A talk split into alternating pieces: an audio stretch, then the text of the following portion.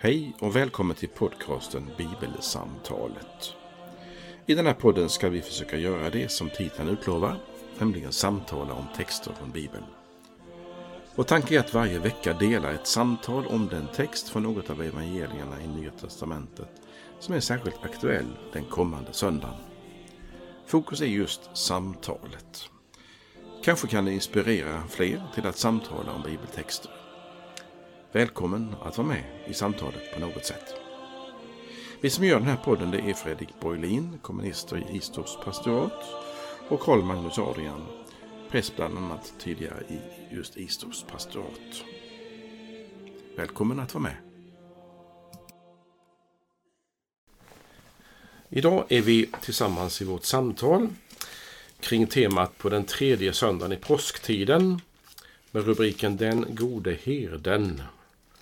Och jag ska läsa från Johannesevangeliets tionde kapitel.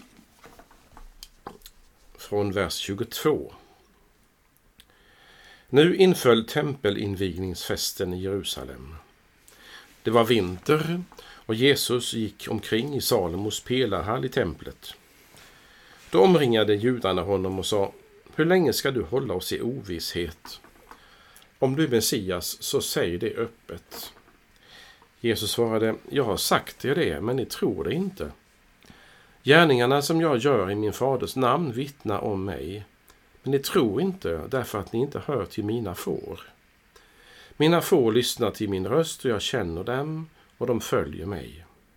Jag ger dem evigt liv och de ska aldrig någonsin gå under och ingen ska rycka dem ut ur min hand.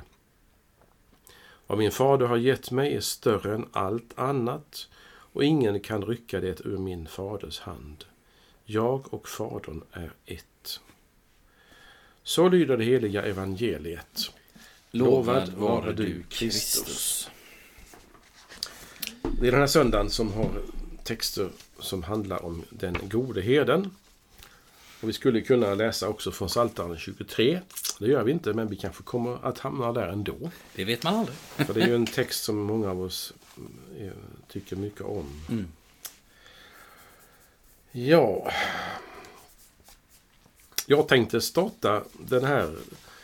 Jag har en liten inledning som är lite öppen.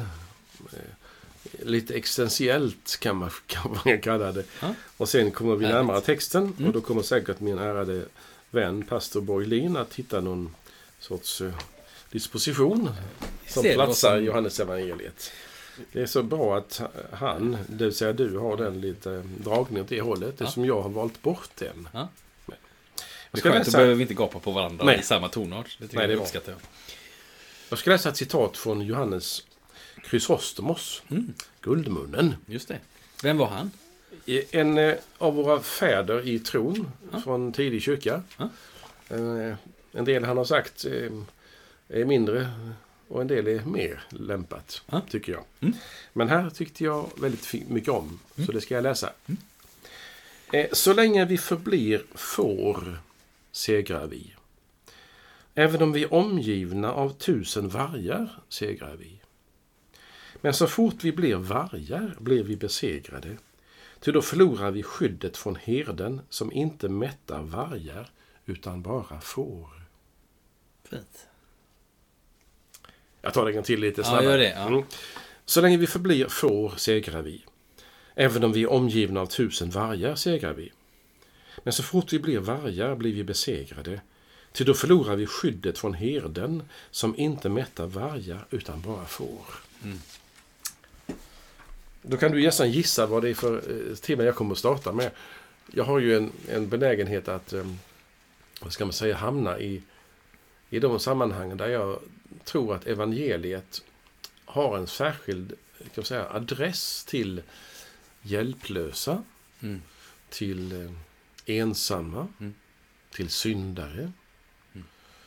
Eh, jag tror att evangeliet inte kan tas emot av andra egentligen än sådana. Och eh, då menar jag inte sådana vissa människor utan sådana vi egentligen är. Mm. Det är min tes. Och för att eh, dölja detta så maskerar vi oss med diverse yttre pålagor. Mm. Men egentligen så är vi hjälplösa. och behov av ledning. Mm. Men som sagt, det vill vi inte erkänna för då är vi inte tuffa och inte duktiga och inte som, eh, så roliga att göra med, kan någon tycka. Men det finns någonting stort i att vara får. Ehm, om jag säger så här. Illa medfarna. Eh, minns du vad det här står? Eh, ja. Eh, Jesus tar, hans, det är massa människor som kommer till Jesus och så står det att han, för, nu, nu gissar jag här, eh, han, han, han liksom på något sätt kände medlidande med dem för de var illa medfarna som får utan herde. Är det va? Mycket bra. Ja. Alltså det är någonting som Jesus ser när han ser ut över mänskligheten, oss människor. Eh, och det han ser, det är det som man kan kalla för hjälplösheten. Eller det lilla. Eh, och hjälplösheten, den föder en längtan efter någonting. Ehm, och jag eh, tänker ofta på liknelsen om den förlorade sonen, eller de förlorade sönerna. Eh, där borta i främmande land så börjar den förlorade sonen längta hem. Alltså hemlösheten föder längtan. Insikten om hur det är föder behovet av någonting annat. Eh, Och då kan man säga att när, när liksom eh, konsumtionsvansinnet i vår kultur eller nöjesvansinnet i vår kultur har gått över. När det inte är kul att leva loppan bara, utan det finns andra värden. Mm. Eh, Då, då kommer någonting där man längtar efter något annat än det som man trodde var det som skulle ge tillfredsställelse. Och där finns det någonting i, ska vi säga, kruxet i en sån här text, eller sådana texter som idag med den gode herden. Därför att om jag inte behöver liksom ledning så är det ju liksom väldigt konstigt att prata om den gode herden. Om det bara är någon sorts eh, andlig fernissa som jag klistrar på för det ska, ja, vara fint med det. Men eh, jag tror därför att alltså utgångspunkten för texterna idag det är vilsenhet, hemlöshet och, och längtan efter någonting annat. Eh, och det är ju också för oss att liksom upptäcka både hos oss själva, det vill säga våga erkänna, jag för mig själv vågar jag erkänna och se vem jag är och vad jag längtar efter. Och inte bara vad jag borde längta efter eller vad jag borde tycka är roligt. Eh, och då är det en del saker som är, menar jag, intressanta utifrån detta med att när jag sen möter Jesus så tittar han på mig och så säger han att vill du jag ska leda dig? Och då är det intressant att säga hur svarar jag på den frågan? Svarar jag ja, för jag är dresserad till att ställa ja, säger ja på frågan om Jesus frågar någonting? Eller är det så att jag behöver det? Och jag är väldigt skeptisk, om du vet, mot det här med att man klistrar på sig olika ord och begrepp och, för, och skyltar för det ska passa in. Mm. För det har Jesus lärt mig att hyckleriet det är det värsta. Synden är inte det värsta. Den har Kristus tagit på sig. Mm. Men hyckleriet, det är det värsta. Det vill säga förljugenheten om vem jag är.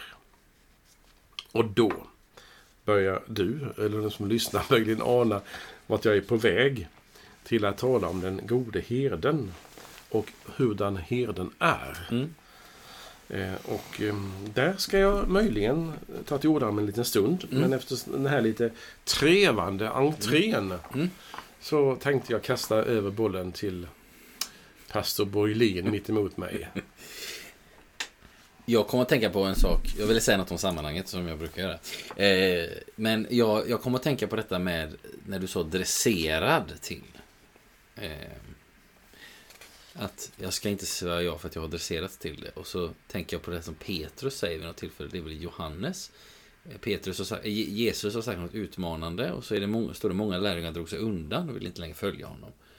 Och då frågar Jesus längre, inte, inte, vill, eh, vill, inte vill väl ni också gå er väg ungefär? Så här. Och då svarar Petrus, Herre, till vem skulle vi gå? Du har det eviga livet. Mhm. Och det är ju, det är, tänker jag, det är absolut inte dresserat, det svaret. Men det är det inte. Nej, Nej. och det, det, var, det bara liksom boink, dök upp här Ja, när du när sa för, ja, fint. Ehm, sammanhanget. Ehm, kan man beskriva på många sätt såklart. Eh, jag prövar med ett. Eh, nu är vi inte längre i händelserna efter uppståndelsen. Det har vi varit lite grann här på påskdagen och i förra avsnittet så nämnde vi lite om annandag påsk och så var det Eh, att det var påskens vittnen och det, det utspelade sig direkt efter, efter uppståndelsen. Men nu är vi inte längre direkt efter uppståndelsen utan vi är inne i påsktiden när vi stannar upp inför olika aspekter av vad Jesus är. Idag är den en aspekt, eller aspekten, den gode herden. Eh, olika aspekter av vem Jesus är och av vår gemenskap med honom. Det är bara ett förslag till, till sammanfattning av en tid i kyrkans år. Vi är inte direkt längre efter uppståndelsen, utan nu får vi liksom backa tillbaka till före uppståndelsen och så får vi läsa texter eh, där Jesus på olika sätt visar vem han är genom att ja, tala och på andra sätt. Idag talar han om att han är den gode herden. Och det, det som jag tycker är lite intressant, eh, det har säkert en förklaring som jag inte känner till, men he, ganska många söndagar nu så läser vi Johannes. Och det gör vi alla årgångar. Så att om det här projektet lever om ett år så är vi också vid Johannes efter påsk. Mm. Och även om två år om, om Gud vill och bröten håller. Eh, och alla tre årgångar för den här söndagen är från Johannes 10. Där Jesus talas om sig själv som den gode herden. Men, det vill jag säga också.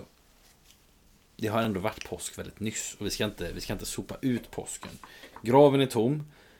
Och vi måste ju på något sätt, tänker jag, det måste, måste vi inte, men Jesus är inte bara den gode herden, han är också den uppståndne herden. Han är den levande herden. Alltså, mm. det, är, det är fortfarande så har vi liksom ljuset från påsken.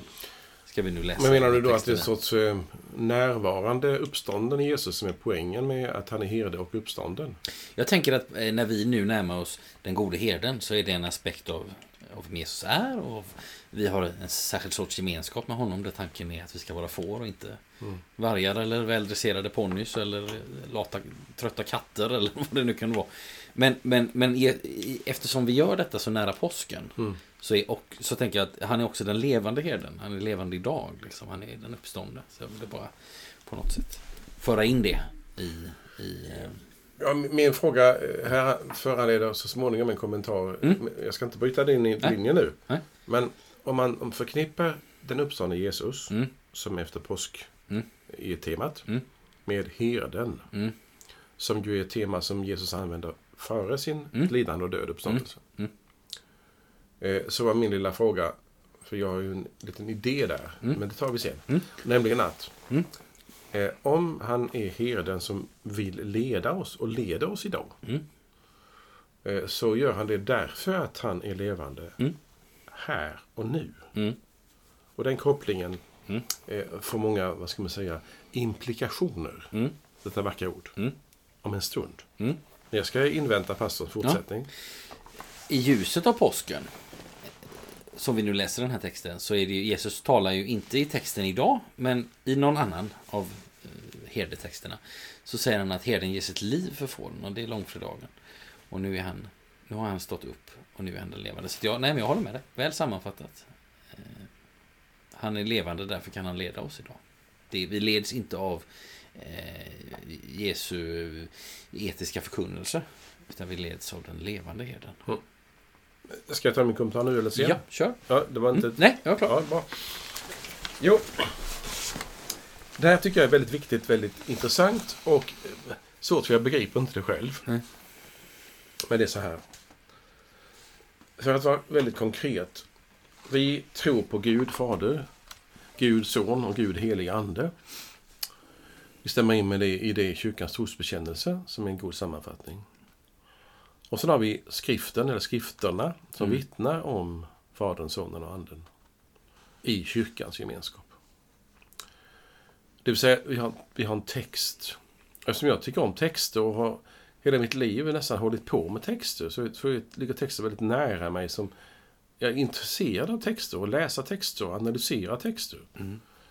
Men det är inte texterna som, även om den heliga skrift är en text, som är liksom drivkraften. Utan det är Guds ande. Det är den närvarande Jesus. Som i skriften, men också på något sätt som jag inte förstår mig på riktigt, uppfyller mig leder mig, inspirerar mig. För att ta klart exempel. Vi säger så här att jag ska till exempel predika. Eh, och så inträffar det att... Nej, nej, nej, tänk så här. Jag sitter i kyrkan här på söndag. Mm. Och så är det du, Fredrik, som, som leder gudstjänsten. Mm. Och sen så när vi kommer fram till evangeliet så kommer kyrkvärden fram till mig och säger du Fredrik, han har fått magproblem så att han är tvungen att springa hem. Mm. Kan du ta evangeliet och predikan? Ja. Ja, tänker jag. Då, då så säger, evangeliet kan få kyrkvärden läsa och så säger då, då sjunger vi någon psalm efter evangeliet med många verser så innan, Ja, jag, så innan jag samlar mig. Ja. Ja, så gör vi det. Och då ber jag naturligtvis om hjälp. Och då tänker jag så här att jag tror ju att, den, att Jesus den levande är på något vis närvarande. Och genom sin ande så kommer Gud till mig och ger mig det jag behöver. Mm. Och då, då väntar jag. jag. Inte så att jag sitter där i bänken eh, och sitter och väntar och väntar och väntar och väntar till någon klarsignal något som ramlar ner från, från taket och så. Utan jag går fram och ställer mig där och så börjar jag predika i hopp om och i tro på att den levande Herren är här. Den Mm. gode Herren som leder Mm. mig. Det jag vill säga med exemplet är att eh, när, vi, när du så bra förknippar då den uppståndne Jesus med herdetemat idag Mm. så är det inte bara så att Jesus idag genom ordet leder mig. Det tycker jag är oändligt viktigt, så det är Mm. inget som helst problem med det. Nej. Utan det är också så att jag tror att Gud genom sin ande på något vis kommunicerar med min ande. Alltså anden med Mm. anden. Mm. Eh, och då är det Jesus som på något vis som kommer till mig eftersom han är levande. Jag tror Mm. på en levande Gud, inte Mm. en Gud som har funnits och som, som finns i någon text bara. Utan det är, det är ordet som vittnar om den samme Jesus som jag också får ta emot i nattvarden, i bönen och i kristen gemenskap och så. Så jag, jag vill se det väldigt konkret i mitt behov av ledning och inspiration. Mm. Kallar det för det.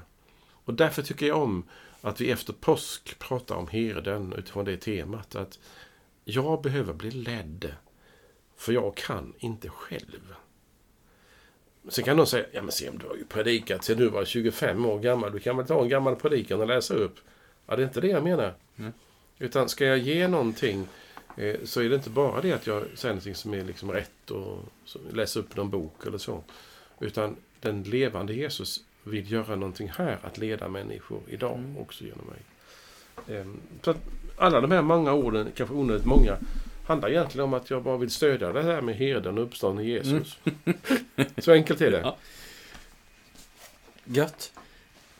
Har du någon mer tanke du som följer på detta? Eller får jag ta Nej, vi en annan det. tråd? Vi släpper det. Får jag ta en annan tråd eller vill du? Jag har, vänta. Jag tänker på en sak eh, som jag fastnade för. Det är Jesu ord i texten idag. Jag ger dem evigt liv och de ska aldrig någonsin gå under. Och ingen ska rycka dem ur min hand. Det tycker jag är fint. Jag kan vandra bort, Fredrik Bordin kan vandra bort på alla möjliga vägar. Jag kan avböja Jesu inbjudan. Ehm, jag kan sitta på läktaren och bara betrakta på avstånd, som vi sa i förra avsnittet. Jesus berättade på ett ställe, det här var vi inne på förut, det här att många drog sig undan, ville inte följa honom.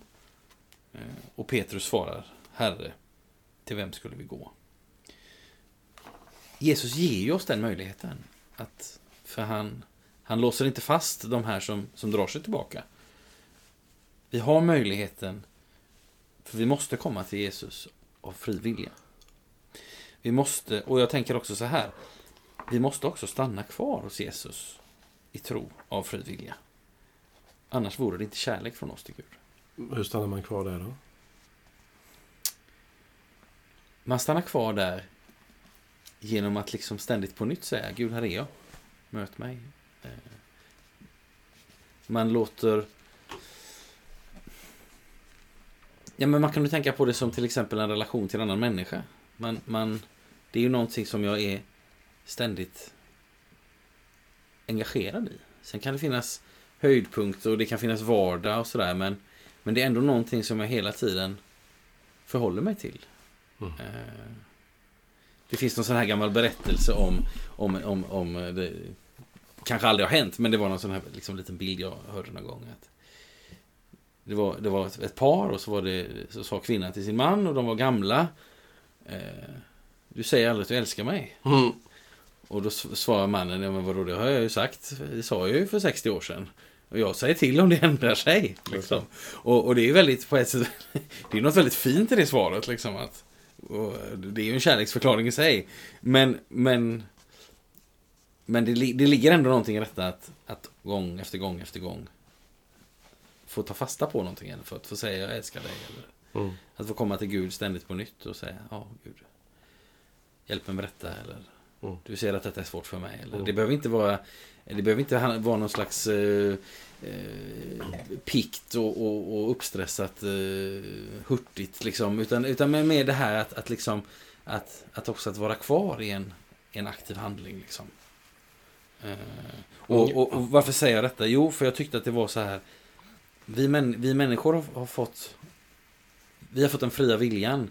Eh, Gud längtar efter att vi ska komma till honom och också, också stanna hos honom. Eh, men, säger Jesus i texten idag. Jag ger dem evigt liv och de ska aldrig någonsin gå under. Och ingen ska rycka dem i min hand. Det finns ingenting som har fått makt eller mandat att rycka oss ur Jesu hand. Vi kan ju tänka ibland, man, man kanske har ökenperioder eller man känner att Åh, det är svårt detta. Eller och det här, det här som har inträffat i mitt liv, det, det, jag, jag har svårt att få ihop detta alltså med, Mm. med, med, med Gud och allting och sådär. Men, men ingenting, lovar ju Jesus här, ingenting har i sig själv mandat att rycka oss ur, ur hans hand. Mm. Paulus han pratar om detta i Romarbrevet 8. Det Mm. här med att, ja, jag kan läsa det ordet faktiskt här. Det står så här, vem kan skilja oss från Kristi kärlek? Och så lite längre ner. Jag är viss om att varken död eller liv, änglar eller andemakter, varken något som finns eller något som kommer, varken krafter i höjden eller krafter i djupet eller något annat i skapelsen ska kunna skilja oss från Guds kärlek i Jesus Kristus. Mm. Det finns ju saker som, som vill göra det, men, men det finns ingenting som har fått mandat att kunna göra det. Nej, ja, det Och det, ja, ja, det kanske var en lång utläggning. Nej, men det var... Jag, jag, jag har en, eh, kan säga, en parallellberättelse i detta. Och det är att när jag tänker på det här med hjälplösheten och herden som, som leder. Så är det ju det här med rädslan för hyckleriet. Alltså behöver jag ledning eller är det bara tomt prat? Mm. Ja, då är ju inte grejen att Gud vill liksom säga till mig att Alltså du är ju ingenting, Karl Magnus. Fatta det så, jag, så ska jag hjälpa dig. Det är ju inte på något sätt så att Gud ser ner på mig i den betydelsen som jag kanske ser ner på mig själv. Mm. Han aktar mig högt. Mm. Men insikten att det, det är liksom den lilla människan, det bejakandet, det är så stort att jag behöver inte göra mig till. Nej. Det är ju poängen med Mm. hjälplösheten. Att jag, jag får vara som jag är. Och den här världen är ju inte särskilt, eh, ska jag säga, god. Och mänskligheten är inte särskilt eh, begåvat eh, syndfria, kan man Nej. lugnt säga. Nej. Utan tvärtom. Mm. Och det är ju naivt att tänka sig att får vi bara en chans så, är vi alla snälla och goa. Mm. Det är inte sant. Och då menar jag att då är insikten om hur det är en sån oerhörd befrielse när han säger Jag är den gode herden. Du får lov att vara ett får hos mig. Då säger, han säger ju inte eh, för, Försök nu vara ett får. Mm. För då kan jag hjälpa dig. Mm. Det är ju helt absurt. Mm. Utan det, det är tvärtom så att jag har en särskild omsorg. Och då tänkte jag på det som finns med i mina tankar kring det här temat. Mm. Och det står så att fåren känner hans röst. Eh, det stod väl det i Mina får lyssnar till min röst. Jag känner dem och de följer mig. Eh, det står så här i Lukas 15, det kapitel som inleder det här bland annat med den förlorade sonen. Just det. Och lite andra förlorade saker. Precis. Personer. Tullindrivare och syndare sökte sig till Jesus för att höra honom. Mm. Men fariseerna förargade sig över detta. Mm. Alltså det är väl en underbar mening. Mm. Här kommer människor som, som ju är, ska jag säga, illa sedda. Mm. Både, troligen både av sig själv och av andra. Mm. Jag menar en syndare som vet med att han har, eller hon, kvinnan i, i brunnen, att hon har liksom eh, strulat till det för sjätte gången. Mm. Vilken självkänsla har en sån person? Mm. Inte mycket. Nej. Och så kommer man ändå för att lyssna på Jesus. Man, man hör en röst. Mm. Och då menar jag, vad är det för röst som Jesus har som appellerar till fåret? Mm. Karl Magnus Mm. eller Fredrik? Mm. Det lockar mig. Det är någonting helt annat än den här slarviga förkunnelsen att eh, se nu till så att du, att du verkligen är en riktig syndare som behöver förlåtelse. Det är något, sorts, det är något inlärt system. Mm. Men däremot, när man inser den heliga guden som jag kommer till mötes och inser vem jag är och vad jag har med mig. Mm. Och att jag dömer mig själv och andra dömer mig. Men han kommer till mig och säger jag vill leda dig. Som den herdaren är till, till mig som är får. Eh, och det, då är det en väldig aspekt för mig på hur jag får vara. Mm. Det jag inledde med från Johannes av Chrysostomos, Mm. det är liksom den andra parallellen. Det är att om jag nu är får, Mm.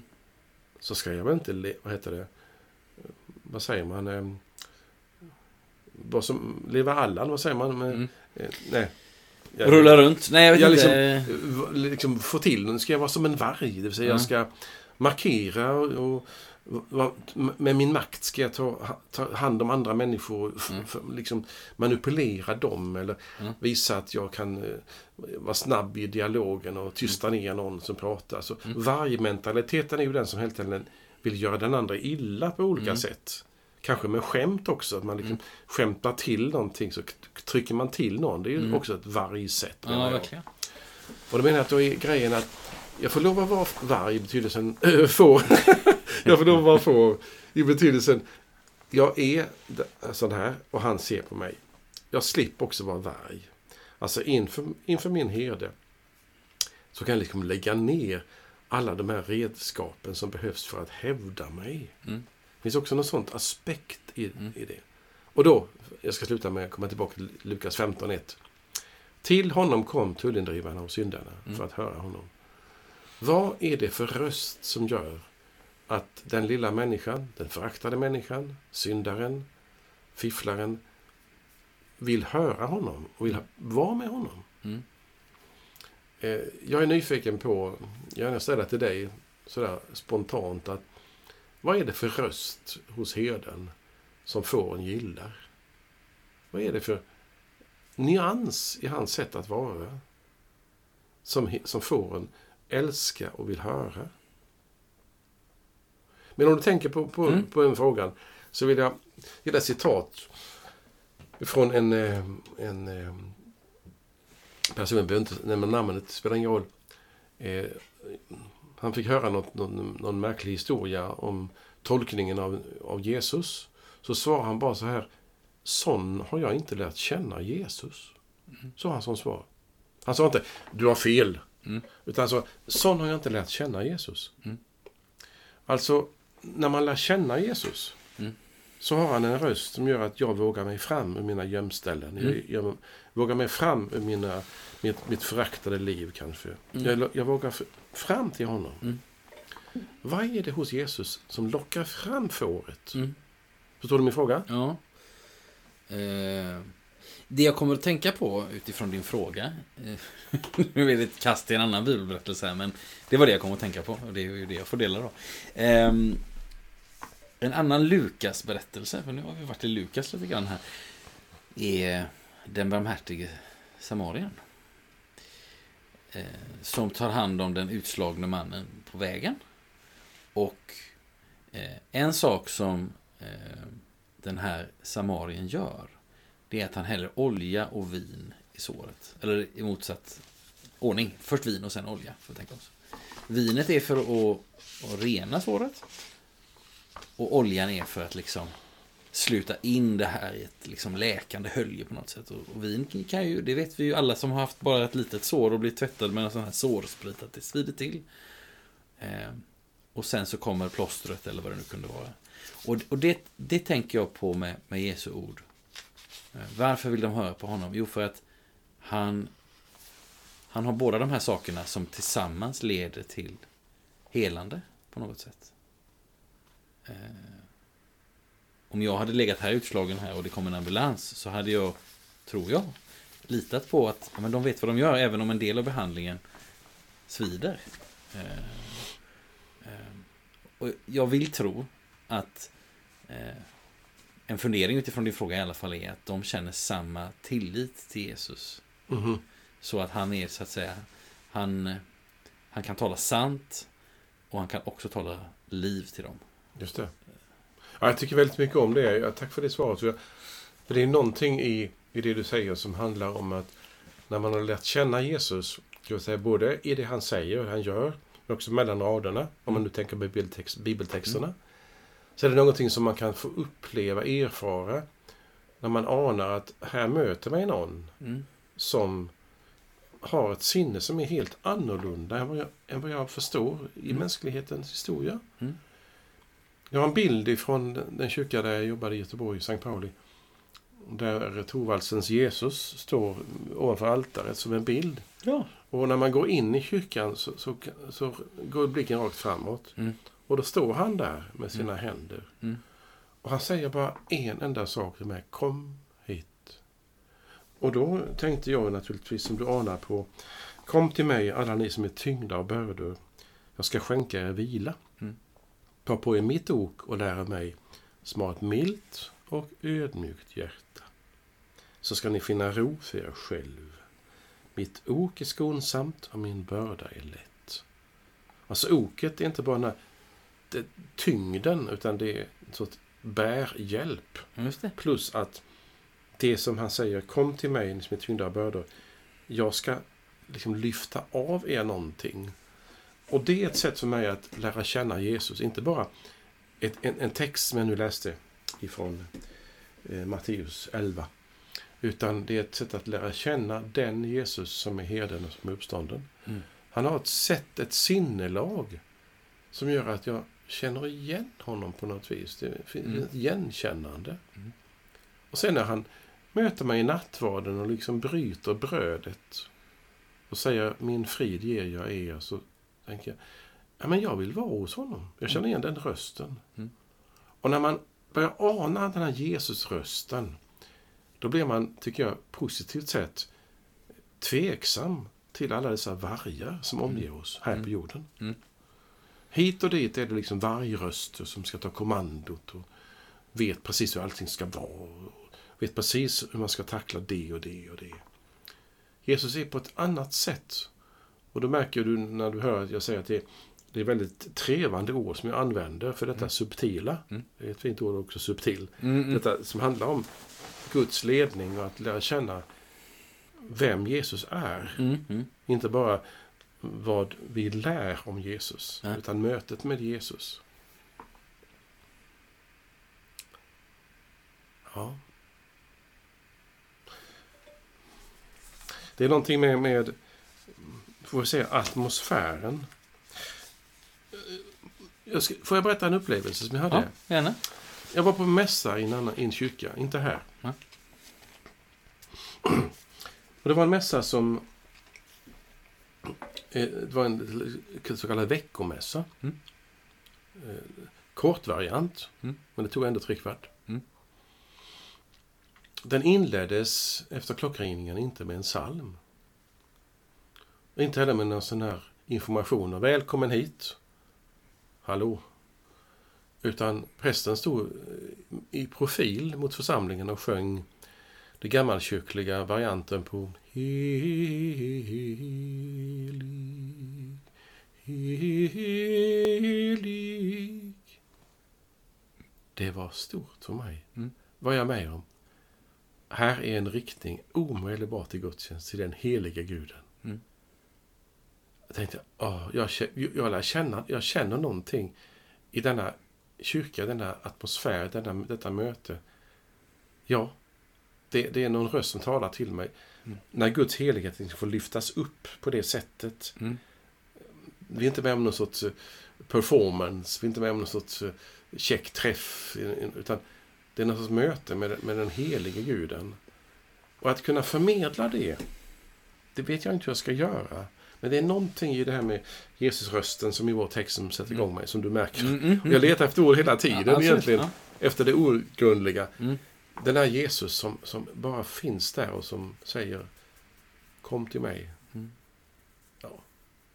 är det bara flum så säg till mig. Nej, det är inte. Nej, det är mycket fint att du delar detta. Tack så mycket. Ja, fint. Jesus har ett ord idag som är, kan uppfattas som, vi har ju varit inne på detta tidigare, att Jesus i sina möten ibland skruvar glödlampan lite till. För att det ska uppstå kontakt så att säga. Och så gör han inte det med Thomas. Det var ju en av sakerna vi pratade om förra veckan. Mhm. Eller inför för, ja, i förra avsnittet. Ehm, i, idag skruvar Jesus lite grann. Det här är ju också ett möte med mm, vad vi får kalla kanske då motståndare eller kritiker eller svalt inställda eller vad vi ska kalla det. Jesus säger så här, men ni tror inte därför att ni inte hör till mina får. Eh, och det tycker jag kan vara, en poäng att, att lyfta fram att det Jesus säger är inte att de han talar med aldrig kan komma att höra till hans får. Eh, det är ingen utestängning. Eh, fåren är inte några få utvalda som vissa människor inte skulle platsa i eller och som därför liksom ska snäsas av. Utan den, den som tror, det är den som har på något sätt något sätt har svarat på följt, bejakat eller vad vi kallar det, detta som du sätter uttryck, liksom sätter ord på eh, på ett så fint sätt, Carl Magnus. Eh, och då, då är jag ett får direkt. Då, ska då handlar det inte om att nu ska jag lära mig ett inlärt flockbeteende. Utan, Nej. utan då är jag ett får, punkt. Mm. I, I kraft av att han säger det, inte utifrån vad, hur mycket ull jag har producerat på min kropp. Eller, Nej, nej. eller sådär. Och, men det här lite bryska svaret idag, det avslöjar ju på något sätt motståndarnas fråga, eller motivet bakom frågan. Hur tänker du den bryska? Alltså, Ja, men det här att, men ni tror inte. ja, just det. Just det. Eh, alltså jag har ju sagt det, det men ni, ni tror inte. Det är, Ja, inte ja. Ett, det är inte ett utestängande. Utan, utan det är en liksom ett, det är så att säga ett bemötande av, ni ställer den här frågan och genom sin fråga, genom eran fråga så ger ni sken av att vilja veta, men, men menar egentligen att de redan vet, tänker jag. För Jesus säger, jag har ju sagt det, men ni tror inte. Liksom. Men ni är välkomna att ompröva det. Just det. Och då kanske man ska säga, nu vet ju du och jag att den texten idag är den tre, är det tredje ledet i texterna från Johannes 10. Mm. Det har föregåtts i- i årgång 1 och årgång 2 Mm. i vår handbok, i vår evangeliebok, Mm. av väldigt tydliga ord av Jesus. Jag är den gode herden. Mm. Det finns vargar, det finns dåliga herdar och så Mm. vidare. Mm. Så att det här är ju slutet på en historia, kan man en berättelse eller en händelse. Mm. Så kan man säga. Mm. Så det, till, udden här är ju mot, ska vi kalla, inte bara vargar i allmänhet som Je- Jesus ord, utan också de dåliga herdarna. Mm. De falska herdarna. Mm. Ja, gick jag... Nej, nej, nej, nej. Stängde jag till nu? Nej. Nej. Men det har också varit betydelsefullt för mig för att när jag ska tänka på det här med hur han är den Jesus som jag har fått lära känna. Eh, på det lilla sätt jag har lärt känna honom. Eh, så jag, vad är det som är... Vad är det som Jesus kritiserar? Han kritiserar ju inte fåren. Han kritiserar de falska herdarna och han varnar för vargen. Kan man säga så? Mm. Det är ju bildspråk. Mm. De falska herdarna, eller de dåliga herdarna, det är de som luras. Eller de som inte ser verkligheten Mm. som den är. Och då tror ju jag så här. Men nu får du hj- hjälpa mig med detta. Jag tror att det är så här att kritiken som Jesus har, Mm. bland annat i Johannes 10, det är att de andra, de ledarna som är de dåliga, alltså de, de ehm, falska herdarna, de ser inte de allra minsta. De ser inte de som är rädda. De ser inte de som är sargade. Alltså då, de ledarna Jesus kritiserar, de är inte omoraliska. Alltså det är inte människor som, som är, ska vi säga, speciellt syndiga som man attackerar. Ja.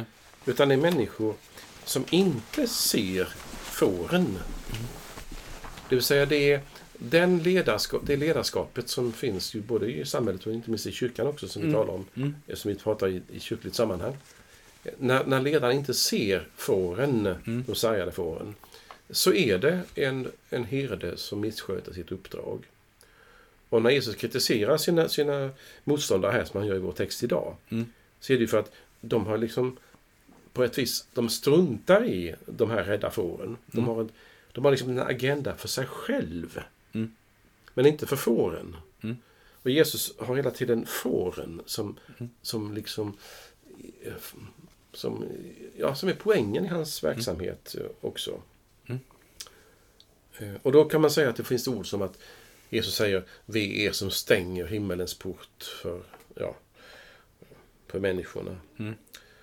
Alltså som hindrar fåren att, att finna Jesus. Mm. Det är liksom bekymret, eller det, det som Jesus har som säga, attack. Mm. Inte mot fåren, utan Nej. mot den falska ledaren, eller dåliga ledaren. Mm. Det är kanske är givet, eller? Nej men, ja, nej men det är bra att vi tar upp detta och det, är också, det finns ju också på, på andra ställen i, i Gamla Testamentet. Eh, till exempel, det är någonstans i Sekel till exempel om, om, om herdar och och dåliga herdar. Så nu har jag inte kapitlet men, men, men, eh, men det här att det är liksom, det har också en dimension, detta som du talar om nu och detta med heder har ju också en dimension i att vi människor, och då talar vi verkligen inte bara om, om eh, att vara präst eller liksom i, en församling utan också i andra sammanhang där man får liksom man, blir, man anförtros en annan människa på något sätt. Alltså det kan ju handla om att man möter någon och samtalar med någon och det, och, och att eh, och det är ett stort uppdrag liksom. Eh, och, och ja. Som man ska ta på allvar liksom. Mm. Det tycks ju vara så också när man talar om de här med Jesus som herde. Vad det är för någonting man, man lär känna. Sa Jesus inte det man skulle kunna kalla lite slarvigt för yttre makt. Mm. Ehm, alltså hotbilden finns inte hos Jesus mot fåren. Nej. Utan den yttre makten har han liksom släppt. Och eh, därför blir han också missförstådd. Eh, och då kan man tycka att han är liksom han är, det är för lite makt och myndighet i hans sätt att, att leda det. Mm. Det finns ett annat sätt. Man liksom längtar efter någonting annat. Och så är det istället eh, riktningen mot det lilla. Jag tänker också på när Jesus tar liknelsen om, eller berättelsen om den yttersta domen. eh, Så är det ju får och getter. Mm. Och då är det de som, som inte ser det var han som satt i fängelse. Det Mm. var han som hungrade. Mm. Det var han som var sjuk. Mm. Alltså det är väldigt tydlig riktning. Vart jag riktad som, som människa? Och vart, Mm. vart är han riktad som, som frälsare och som herde? Mm. Det, det är där jag fortfarande håller på och kretsar kring frågan att lära känna den Jesus som jag har lärt känna. Hur Mm. han är han? Mm. Vad gör han? För när vi talar om ledning så är det ju väldigt intressant att fundera på eh, om man tänker på yttre ledning. Om jag ska, jag ska liksom köra före dig till något ställe som du inte hittar med bilen. Nej. Så kan jag vara ganska kategorisk och säga nu kör du fel. Mm. Hallå! Mm. Vänster där istället höger. Mm. Så. Och då säger du vad skönt att du är så tydlig kan du säga. Ja. Men den gudomliga ledningen har liksom inte, har inte pekfinger, pekpinnar sådär. Nej. Utan det är ett annat sätt att leda. Mm. Och jag tror att det är på något liknande sätt med, som kärleken. Att kärleken har liksom inte... Den har inte makt. Den är maktlös. Mm. Eh, och ändå så är det det starkaste som finns. Mm.